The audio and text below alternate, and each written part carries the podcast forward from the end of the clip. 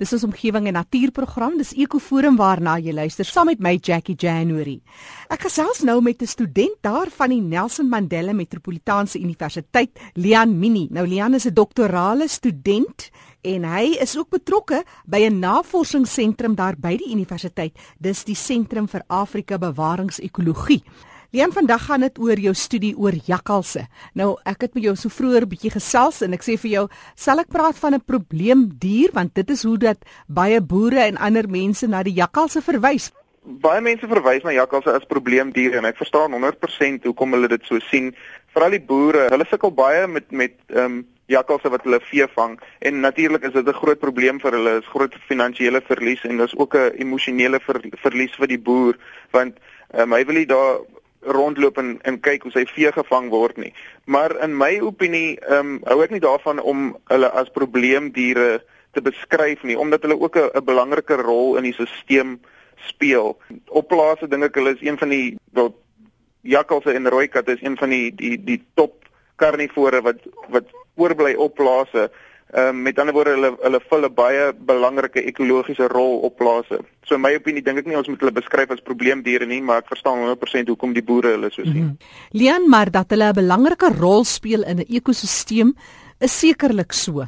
Hoe sou jy dit uitrol? Wat is dit presies? Hoe sou die wêreld slegter af wees as daar nie meer jakkalse is nie? Jakkalse veral op plase, hulle is die soos die die groot karnivore is almal uitgeroei as gevolg van jy weet verskeie faktore. So jakkalse en, en rooi katte onder andere is die top karnivore wat oorbly op op plase en hulle speel 'n baie belangrike rol in die stelsel. Met ander woorde, hulle hulle vul daai spasie wat die groot karnivore gehad het. Met ander woorde, hulle vang jou bokke, hulle um, kontroleer jou muispopulasies. As so 'n uitbreek in in in 'n muispopulasie is, dan is omtrent al wat die jakkals vreet. So hulle speel 'n baie belangrike rol in terme van die beheer van van hulle prooi spesies op plase. In op reservate speel hulle 'n minder belangrike rol omdat daar natuurlik nou jou leeu's en jou luiperds is, maar daaroor verander hulle die eet en hulle is meer aasdiere omdat die die die groot karnivore byvoorbeeld 'n 'n 'n kudu neertrek en dan is daar meer kos wat die jakkals kan eet met as op plase kan 'n jakkals nie self 'n kudu vang nie. Hulle fokus meer op jou op jou kleiner prooi spesies soos jou springbokke wat hulle kleintjies wegsteek en dan gaan vang hulle die kleintjies of natuurlik jou jou skape en bokke wat 'n groot probleem is vir die boere. Maar praat so van hulle die eet. As dit nou regtig 'n droë jaar is en 'n jakkals is ver in 'n baie droë area of ver afgeleë gebied, sal hulle ander goed vreet uit hulle patroon of hoe het jy ervaar? Jakkalse is is 'n baie unieke dier. Hulle is nie um, 100% karnivore. Hulle is omnivore. Hulle vreet basies enigiets wat hulle hulle hande op kan kry, as ek dit so kan stel. En baie van die van die dieete wat ek al gesien het is meeste van die maaginhoud kan net insekte wees of dit kan net vleelarwe wees wat hulle geaas het op 'n karkas of daar's 'n plant wat hulle gereeld eet en dis 'n jakkalsbessie. Wat ek ook ondervind het is as daar 'n goeie reenseisoen was in die in die muispopulasie is baie groot en hulle produseer baie kleintjies, dan is omtrent die hele maaginhoud van die jakkals is net muise. So hulle hulle dieet is baie breed. Hulle eet wat ook al hulle in in die hande kan kry. En ek dink dis ook hoekom hulle probleme is op plase want um, hulle is baie opportunisties en dit is baie makliker om 'n lammetjie of 'n uh, of 'n klein bokkie te gaan vang as om agter 'n springbok aan te hardloop of om te hardloop en muise te soek. Ons het so 'n paar spesies. Vertel ons meer oor die spesies en die interessanthede van hierdie van hierdie dier. Hier in die Oos-Kaap het ons net die een spesies, dis die die die blackback jackals soos hulle in Engels sê of die die swartrug jakkals of die rooi jakkals soos hulle in Afrikaans sê. En dan as ons verder noord gaan na Kreer Wildtuin se se se wêreld toe, daarso kry ons die side stripe jackal. Ek weet nie wat sy naam in Afrikaans is nie, ongelukkig. Seker maar die sy-streep jakkals. So daai is basies die die die twee jakkalse wat ons in Suid-Afrika kry maar die die die grootste gedeelte van Suid-Afrika is die rooi jakkals is die, die grootste probleemdier of en hy is die mees wyd verspreide jakkals wat ons hier het. Dis die die rooi jakkals, die side-stripe jackal en dan so die die die golden jackal wat meer in Noord-Afrika is wat nie in Suid-Afrika voorkom nie. Pos spesies natuurlik ook, maar hulle is nie jakkals nie. Soos jou hulle noem hom 'n silver jakkals mm. of 'n silver vos, maar dis eintlik ja, dis 'n vos, dis nie 'n jakkals nie. Daar ene langs die Namibiese kus, wat is dit? Dis ook die rooi jakkals. Wat interessant is met die met die jakkals in Namibië ook is dat kyk jakkalspare, hulle, hulle bly by mekaar vir hulle hele lewensyd en hulle het um, gebiede wat hulle aan 'n klomp ander jakkalse uithou. So dis net hulle twee wat in hulle gebied bly. Nou in Namibië, omdat hulle daai ehm um, die robbe op die strand, hulle kleintjies het, daarso is 'n groot konsentrasie van jakkalse en hulle het nie meer gebiede nie want hulle ehm um, hulle hoef nie meer te kompeteer vir kos nie. Daar's so baie kos van al daai robkleintjies wat hulle kan eet dat hulle nie worry oor die ander jakkalse. Hulle gee glad nie om oor hulle nie. Sjoe, dis nou interessant. So mm. ons kan van ons jakkalse laat immigreer. ja, die maklikste om jakkalse ja, as ons hulle Namibië toe kan stuur dan skep ons maar eintlik net die probleem maar dan is dit nie meer ons probleem nie. Hoekom sien jy dit as 'n probleem? Wat is die groot uitdagings? Die jakkals het tog 'n rol, moet ons nie so boer dat ons ook voorsiening maak? Ons praat deesdae van volhoubaarheid. Jakkals is tog deel van die omgewing. Ja, ehm um, jakkals het 'n belangrike rol in die ekosisteem en natuurlik is die ideaal dat die dat boere en die natuur saamwerk of saam boer as ek dit so kan stel. Maar weet dit is 'n baie groot probleem vir vir boere in Suid-Afrika. Ek bedoel sekere instansies het gesê dat ehm um, hulle verloor meer as 'n biljoen rand as gevolg van jakkalse per jaar aan veeverliese.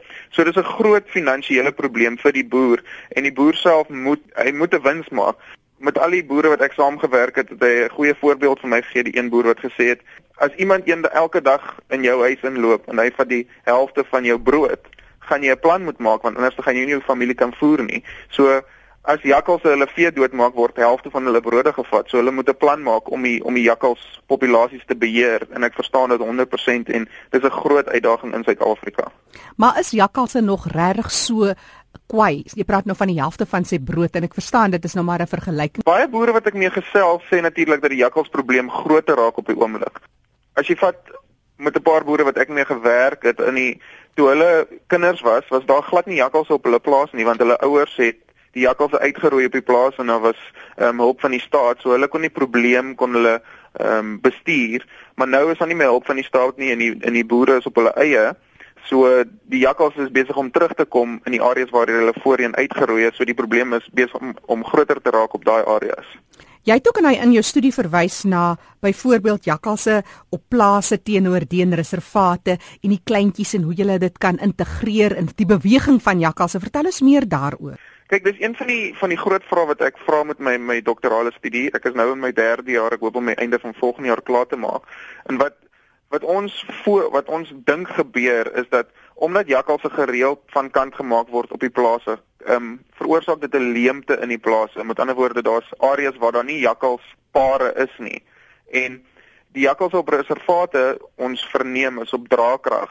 So die kleintjies wat hulle elke jaar produseer, moet iewers heen gaan om hulle eie ehm um, territoriums gaan afbaken en dan moet hulle 'n wyfie kry of 'n mannetjie kry, hang wat se wat se jakkals dit is mm -hmm. en dan ehm um, natuurlike familie begin en voortgaan. So die jakkalse ons verneem, die oorskot jakkalse beweeg van die reservate na die plase toe mm -hmm. om hulle eie area te gaan afbaken en dan gaan hulle daar bly en kleintjies kry ensovoorts. So Ons dink dat die hierdie meganisme word gedryf deur die die jakkalse wat geskiet word op plase wat die leemtes veroorsaak en dan beweeg die jakkalse van die reservate na die plase toe. So daar is al klare interessante beweging. En as mense nou kyk na jakkalse op plase en teenoor reservate, jy het ook vroeër net verwys na hulle die eet wat so bietjie verskil. Ander interessante tendense? Ehm um, dis baie moeilik on, in terme van jakkalse vergelyk op plase en reservate. Ons weet nie eintlik baie daarvan nie. Die eet is die is die groot ding wat verskil omdat daar daar die groot karnivore soos jou leeu's en jou luiperds, hulle is op die op die reservate. 'n Groter gedeelte van die prooibasis kan hulle beskikbaar maak vir jakkalse, soos byvoorbeeld kuddes. Ons be, beweer ook dat hulle gedragspatrone mag dalk verskil omdat hulle gereeld gejag word in die aande. Dink ons dat hulle meer in die dag sal rondbeweeg op plase waar uh, preservate hulle meer in die in die oggend en in die aand sal rondbeweeg, maar dis net 'n hipotese. Ons het nog nie inligting om dit te bewys nie, maar dis net wat ons verneem kan gebeur. Ja, maar dit klink na 'n interessante studie wat jy doen. Ek is seker vir baie boere is dit regtig 'n groot kopseer. Ek het so rukkie teruggekeier op Doringpoort. Dis 'n plaas so 4 km buite Koster en dis oom Bin en tannie Jenny Malan wat hier boer en hy vertel van sy interaksie met jakkalse en van wat hy kan onthou van kindertyd. Die jakkalse skree nie want hulle verpes ons elke nag met hulle te skree. So dit is my jy ook sê. Ja. Ons kan nie sê iets van die natuur is 'n plaag nie. Maar vanjaar is hulle plaag. Ja. Hulle het al twee van my koeie terwyl hulle besig is om te kalf, dan die koeie in 'n kwesbare stadium. Wragtig dan gryp hulle in. Nie net die kalf nie, hulle by die kalf se stert af en so aan, maar die die die koei is die kwesbare een en hulle laat haar so of sy vrek of ons moet ingryp om uh maar haar lewe te beëindig, nee. Dis ongelooflik. Ek ken ek het op hierdie plaas groot geword maar ek ken jakkalse nie so nie want ek wil hulle bewaar. Maar nou ontwikkel dit so dat 'n mens en 'n dier weer half in 'n stryd begine ontwikkel, nê. Nee, dis iets niets. Dis hoe die wêreld verander. Maar wat se jakkals het oom hulle hier op die plaas? Nee, is hierdie silwerrig jakkalse uh hier's 'n wonderlike ou bak oor jakkalsies wat die insekte eet en so ons is so lief vir hulle. En ons is lief vir jakkals as as ons hulle sien. Maar nou ewe skielik verander die natuur so dat 'n ding waarvoor jy lief is weer 'n ontaardende plaag, nê. Nee. Dis 'n bietjie onverstaanbaar, maar dis hoe lewe aangaan op hierdie aarde, nê. Nee. Dis so verrykend en die aarde bly nooit dieselfde nie. Hy verander steeds en die mens moet aanpas en ja, En ek wonder net partykeer, kyk om binne nou teruggekom en om bin boer nou weer met beeste hierso. Is dit nie partykeer ook maar van waar 'n mens staan? As kind het u dalk nou nie so uh dieselfde sentiment gedeel met u pa byvoorbeeld as hy nou so geboore teenoor die jakkalsie. Is dit partykeer ook dat 'n mens eintlik net nie gesien het wat die jakkals se rol was nie en skielik as jy 'n ontvangkant van sy uh toe hy jou nou te nakom Wat sou u sê is is eintlik hoekom dink u is dit dat die jakkals nou vir u so groot probleem is? Jackie, 'n jakkals is nie die grootste probleem nie op hierdie aarde nie. Die groot probleem is eintlik die mens. Want ons is besig om hierdie aarde te vernietig, te oorbevolk en ons eksploiteer hom heeltemal buiten sy vermoëns dit is baie jammer, maar 'n jakkals is maar een van die diere wat besig is om uit te sterf, nê. Nee. Maar as ons wat soveel beeste wil aanhou en wat net wil aanhou produseer en ons word heeltemal te veel op hierdie aarde.